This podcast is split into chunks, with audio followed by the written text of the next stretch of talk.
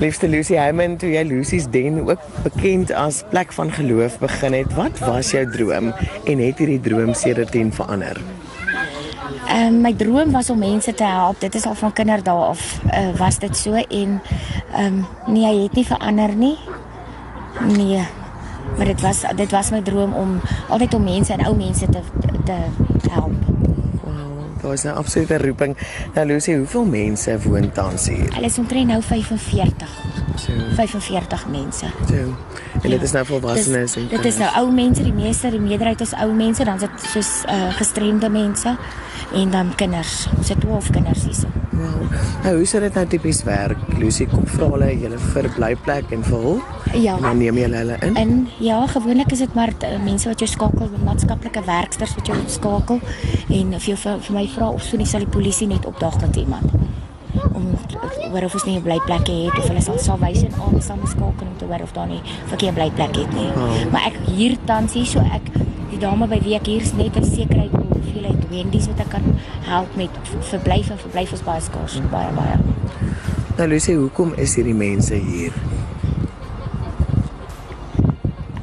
Dit is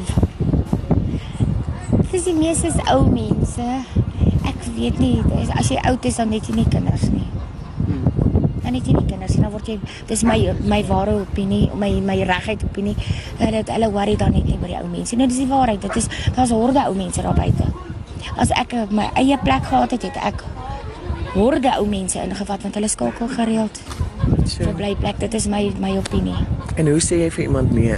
Hoe sê jy, hoe sê jy vir 'n ou mens kan dit nie my ma gewees het nie? Kan dit 'n hele ma gewees het wat moet staan en bly plek vra nie of jy het nie een kom en jy gaan op die straat slaap. So.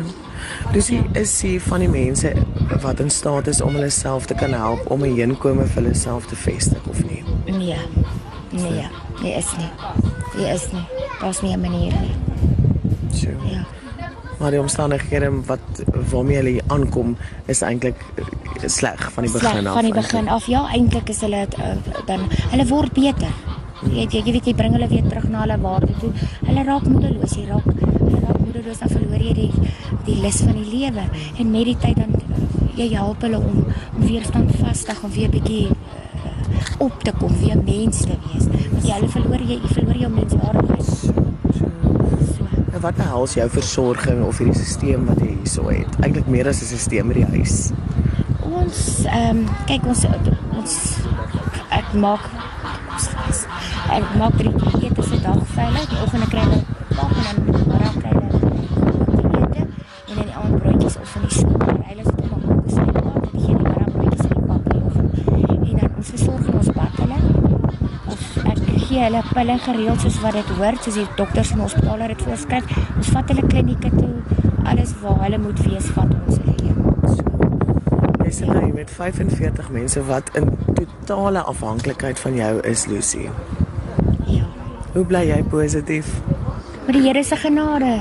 Die Here is groot. Onthou ons aanbid 'n lewende God. Dit is dis so. Alles dit ek. Lankal moet opgee, maar ek kan nie. Ek kan nie. Hy hou my staande. Astrid Engelbreg, eenheidsbestuurder by Sal B en die B is so betekenisvol vandag want jy ja. gee vandag baie. Hoekom is jy vandag hier by Lucy's Den plek van geloof? Weet jy, ons het in die hospitaal besluit Junie is kindness maand. Hmm en deur Marco het ons nou al vir Lucy hulle so leer ken en besluit dis waar ons hart wil wees. En ek het 'n uitmuntende span mense wat saam met my werk. En dis ons ons wil nie net kos bring nie. Ons wil Kersfees in Julie hou so almal het 'n mensie gekies en hulle harte oopgemaak dit was ongelooflik hulle het gekoop persentjie elkeen het iemand gekies en vir daai mense iets gaan koop. Oh. Ek dink dis versamel en elke naweek vir hulle deurbring. Hmm, ek kan net vra maar wat behels jou uh jou jou skenkings of jou jou proaktiewe betrokkenheid hier by Lucy's Den? My ma is 'n volonteer by Doulos Armoedebediening. Wow. En hulle gee kos elke week en dan bring ek die kos deur en ek as daar iets nodig is dan bedel ek maar rondom die mense. Ehm um, wat sien jy in Lucy? ek ek ek weet nie, ek kan nie sê nie. Die eerste dag toe ek aankom, ons het net geklik. Ons het net lekker gesels en ek het die die hartseer in haar oë gesien en ek het gevoel ek moet dit bietjie minder probeer maak. so met die tyd nou maar. En ek sien dit werk. So nou en dan val sy weer maar sy staan weer op. Baie dankie vir die verskil wat jy maak, Marco. Dis 'n groot plesier. Liewe Doortjie, jy woon al 'n lang tyd uh, hierso by Lucy's Den in die plek van geloof. Wat beteken Lucy vir jou? O, oh, sy's 'n ma, sy's 'n sy's 'n pilaar. Sy's 'n sy's wat 'n engel uit die hemel uit, dis die regte woord. So ja, ons is baie lief vir haar. Sy beteken vir ons regtig regtig baie. So ja. Nou Dora, julle het al eh, paar dinge saam ervaar. Vertel ons 'n bietjie van die ervarings, dit wat julle al moes beleef en gesien het. Jong, ons het al babetjies begrawe, ons het ou mensies begrawe, ons het straatmense begrawe. Ons het kos gegee by die park 4 keer, uh, 3 keer 'n week. Wat ek en ma, ja, 4 jaar lank wat ek en ma dit gedoen het. Kers. Ek en ma Lucy en ja, en kers etes vir die mense by die parkie en vir enige iemand wat honger is. Sy hart is oop vir daai mense wat honger is. So, ag, dankie Dora. Liewe Lucy, so groot FM 90.5 het 'n paar jaar gelede hier kom kuier en intussen het daar 'n paar dinge gebeur. Jy's onlangs ook deur baie groot hartseer. Vertel ons wat het gebeur. My man is 2 maande terug oorlede. Dis bitter bitter onverwags geweest. Ons het ek het nie gedink dit sou gebeur nie. Dit was nogal 'n skok. In en ek weet nie wat om te sê. So en het jou het jou baie Hy het my baie ondersteun. ondersteun, hy het my geldelik gehelp. Ek is 'n baie skaap mens. Ek sal nie sommer net vra nie. Ek dit moet regtig sleg gaan as ek vra, maar ek is skaam. Hy het my gehelp. Hy het hy het hard gewerk vir ons. Hy was al 60, maar hy het uitgegaan in die oggend 5 uur in die aand half 9 het hy huis toe gekom. My het gehelp om alles aan die gang te hou. Nou sit ons in die nood. Nou gelukkig het ek baie goeie mense soos Marco hulle wat ons help. So Lucy, wat is dan jou grootste uitdagings? Oh, ons krag is agterstallig. Ons het my kar staan stikkend.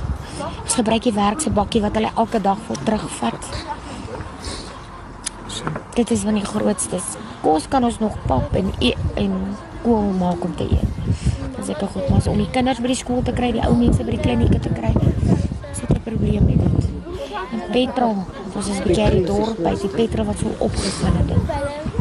Liewe Lucy, is jy moeg? Ek is moeg.